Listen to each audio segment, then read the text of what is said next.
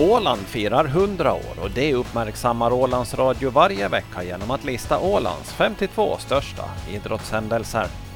På 1970-talet blev windsurfing ett begrepp och rätt så tidigt var det ålänningar som tog den nya sporten till sitt hjärta och i mitten av 1980-talet flyttade Ålands, och åtminstone då landets enda windsurfingproffs till USA för att vara med i den professionella världskuppen.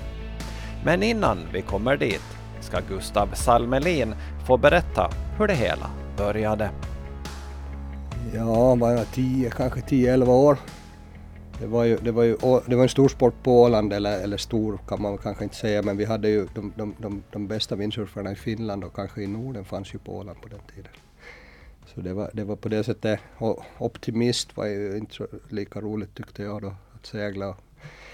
Höll ju på med alla sporter som, alla, som vi alla gjorde på den tiden, men på seglingssidan fick man ju stöd från, från pappa då, eftersom han var inbiten seglare då. Men, men äh, det, var, det var ju lite rolig sport, lite ny sport, lite, lite, lite, lite sån här innesport på den tiden. Så, så det verkar vara skoj. Men eh, eh, när, hur kom det sig sen då? När började du, om vi säger liksom tävla och, och, och racea? Jag kan tänka mig att det var väl här på, på de här hemmavattnen först? Ja, på den tiden var det ju så att vi hade ju alltid tisdagstävlingar då på Slämmen och, och, och det, det, var ju så kanske i början på 80-talet att vann, vann man en tisdagssegling så, så, så, kunde man nästan bli nordisk mästare på den tiden. det, det var jättehård konkurrens och, och de började ju släpa med mig då jag var ju, var jag, var jag 12, 12 år när de började släpa med mig på tävlingar både till kanske främst Finland men också Sverige då. Mm. Och det där var ju, jag kommer ihåg pappa var ju med och startade de där tisdagsseglingarna då, eller starta och starta, jag menar eh, som startare ska vi säga. Sen blev han ju domare också så han började väl också hänga med lite och, och tyckte, tyckte som, i och med att han hade, hade någon roll i det där. Va? Men, men i alla fall så, så de släpade med mig och, och, och, och, så fick man ju nu någon slags windsurfinguppfostran där då. Men nu tar vi ett eh, litet kliv då från de här eh, tisdagsseglingarna och så tar vi klivet eh, till ja, världstouren. Hur hamnade du dit? Alltså jag var ju, jag skulle väl just fylla 16, jag, var näst, jag tror jag var när jag flyttade till USA då och fick, fick efter många om och men lov av pappa och mamma att efter långa diskussioner att jag får åka. Jag, jag ville ju, hade ju som alla andra i den åldern drömma om att bli proffs. Det var väl kanske som det, som det är för de flesta, att bli proffs på någonting. Men att det, var, det är ganska klart att en ny sport som windsurfing, det var väl inte helt omöjligt att kunna bli proffs kanske. Du hade väl vunnit, vunnit FM och, och jag vet inte i det läget kanske något NM redan men i alla fall så, så, så, så åkte jag iväg då. Sen fyllde 16 och fick mitt körkort där i USA och började, började åka omkring på både pro-am-tävlingar kanske då i början och sen mera, mera fick lite kontrakt och, och sen blev jag ju då proffs där. Mm. Och, och, och, sen till de internationella teamen efter det, eller egentligen slutet av det året, 85 då. Så sen, sen rullade det på, var väl hemma och gjorde studenten. Och sen då fortsatte, ja, ända tills jag var 23 då. Och det var, fanns ju med i dealen de gjorde med, med, med pappa Lars då att, att vad som än händer så, så måste jag, måste jag börja studera då senast. så det var, du, du hade ett tydligt slut då på proffskarriären alltså? Det var ett Eller? ganska, kan man lugnt säga, abrupt slut för att jag hade ju inte trott att han skulle ens komma ihåg det eller, eller, eller, eller tvinga mig till det. Men det, då var det så att när jag kom hem till julen och hade just gjort nya kontrakt och hade, hade, ganska bra, hade ett bra år bakom mig. Då hittade han, kom, hittade han ett papper som vi tydligen hade gjort när jag var 15 år som det stod på att, att det här var villkoren. Jag, fick, jag, jag lånade lite pengar när jag for också av honom till den legendariska räntan av 10 procent. Ja. För det var, det var normalränta på den tiden men han, han var ju ganska hård på sådana grejer. Där fanns villkor att jag måste göra studenten, jag måste få ett proffskontrakt, jag måste det ena och det andra. Annars tar det slut då. Så, men, annars, men, men oberoende vad som händer så fanns, måste jag, var det färdigt när jag var 23 då. Då, då, då, då skulle det börja studeras. Så det, och det, det sa han då bara att jag försökte förstås säga att var, jag var ju minderårig liksom, inte kan man ju, kan man ju ta det här på allvar men, men han, han tyckte nog att det var ditt, ditt första kontrakt här som, som, som du gjorde någonsin med din egen pappa så inte det väl det första, inte det det pappret du kommer att så att säga lämna orespekterat. Där hade han ju rätt. Men, men det var, ja då började ju verkligheten kanske igen. För jag hade nog det var ju lite annorlunda ungdom och liv det där. Men hur var, ja, hur, hur var livet på, på liksom en proffstour i, i windsurfing där då i eh, var, ja, mitten, slutet på 80-talet?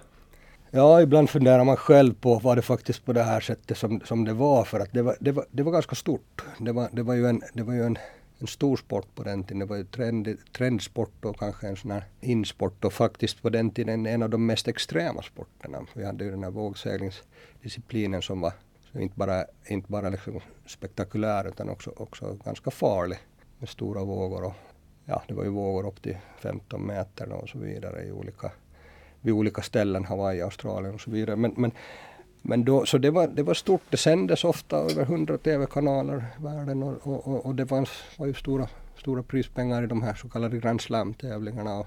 Vi hade ju liksom egna, egna allt från läkare till, till, till, till liksom nutrister och massörer och alltihop i teamen och, och, och, och, egna långtradare med, med alla grejer och, och reparatörer och servicemänniskor. Det, det, det, var, det var liksom full allt man behövde kan man lugnt säga. Men var det sådär så att det var som typ stall med flera olika eller hade ni liksom helt personliga kontrakt? Och, och hur såg det ut? Lång, ganska långt på samma struktur som Formel 1. Den är idag ännu då med eh, dels så stall men att så hade alla sina individuella kontrakt och sponsorer mm. men också gemensamma på den tiden, vi ska säga som, det här var ju 80, början då 86 var egentligen på världstouren eller på, på de internationella kontrakten. Så då var det hade man väl en årsbudget kanske på den tiden på ungefär en två, två och en halv miljon mark. Vilket ju inte låter kanske så mycket men på den tiden var det ju, mm. var det ju jag vet inte vad man ska jämföra med men det, det, var, det, det, var, det var ganska mycket pengar. Hur uh, var det med framgångarna då på touren? Ja, jag var ju med och, och, och hängde med. Och det, det, behövde, det betyder att man måste ju vara, var, var då egentligen topp 48, vi är ju 64 stycken där. Och de där varierar ju som var över 48 egentligen som var, hade wildcard så att säga. Ofta, ofta lokala beroende på var vi var och tävlade. Men, men så, så mer eller mindre från början så var jag, var jag topp top 48 och mot slutet så klättrade jag ner hela tiden. Vann ju ingen hel total världscup men discipliner i världscupen vann, vann jag väl två gånger. Och, och, och, och sen hade väl en, var väl någonstans, när jag slutade tror jag jag var väl kanske rankad, ja, just topp 10 ungefär. Eh, men sen var det ju så att du har ju blivit bjuden på presidentbal också. Ja, ja, ja det, men, men, då var det inte riktigt exakt windsurfingen som låg bakom det, eller hur? Nej, nej det är många som, många som blandar ihop det där kanske och tro, tror att jag, tro, eller vill, vill, tro att jag var världsmästare i windsurfing. Ja. Men det var ju issurfing. issurfing var det, det, var, det var kanske lite en, en, lite mindre sport och enklare att bli världsmästare i det. Men, men jo, nej, det blev, det blev faktiskt, jag tror att det var kanske redan var det 84 eller kanske 83. Så det var egentligen före din, din proffskarriär? Ja, ja. Det, var, det var det. Ja. Och det var ju av den enkla orsaken att när, innan jag hade då möjlighet och pengar att, att, att träna året runt och vara proffs så, så tränade jag ju då på isen här. Ja.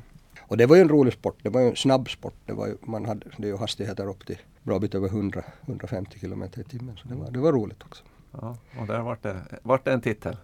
Där blev det en titel, ja.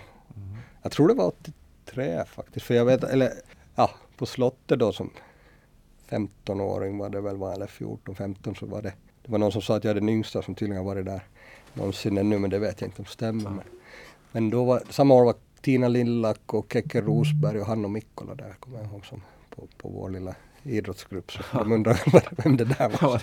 Vad det var för spårling som ja, var här. Precis. Men det var en upplevelse, ja. Det var det. Ja, eh, Ålands enda windsurfingproffs. Den titeln har du i alla fall. Nej, det var någon som sa att det är Ålands Finlands enda. Finlands enda ja. till och med. Om det sen mm.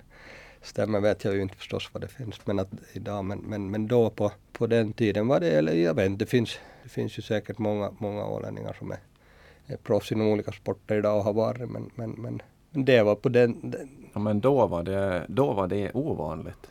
Jo det var ju det, vi hade ju man, man hade också lite andra OS-regler. I och med, i och med OS så kunde man inte ta emot pengar men det här, det här vi hade ju på den tiden sådana såna regler att om man, om man var proffs så kunde man ju inte göra OS då utan karenstider och sådana saker. Men, men det, jag vet inte om det påverkar situationen men, men det var väl någonting som, som gjorde att åtminstone min, min pappa tyckte att det, inte, det där med proffssidan var inte, var inte en bra lösning för han tyckte att det var OS och amatöridrott var det enda som gällde. Det var det enda äkta. Men, Men, men han ändrade väl sig lite kanske när han förstod att, att han inte, inte behövde så mycket hans ekonomiska stöd. Och det sa Gustav Salmelin som på 1980-talet var proffs på windsurfing. Redaktör Ove Sjöblom.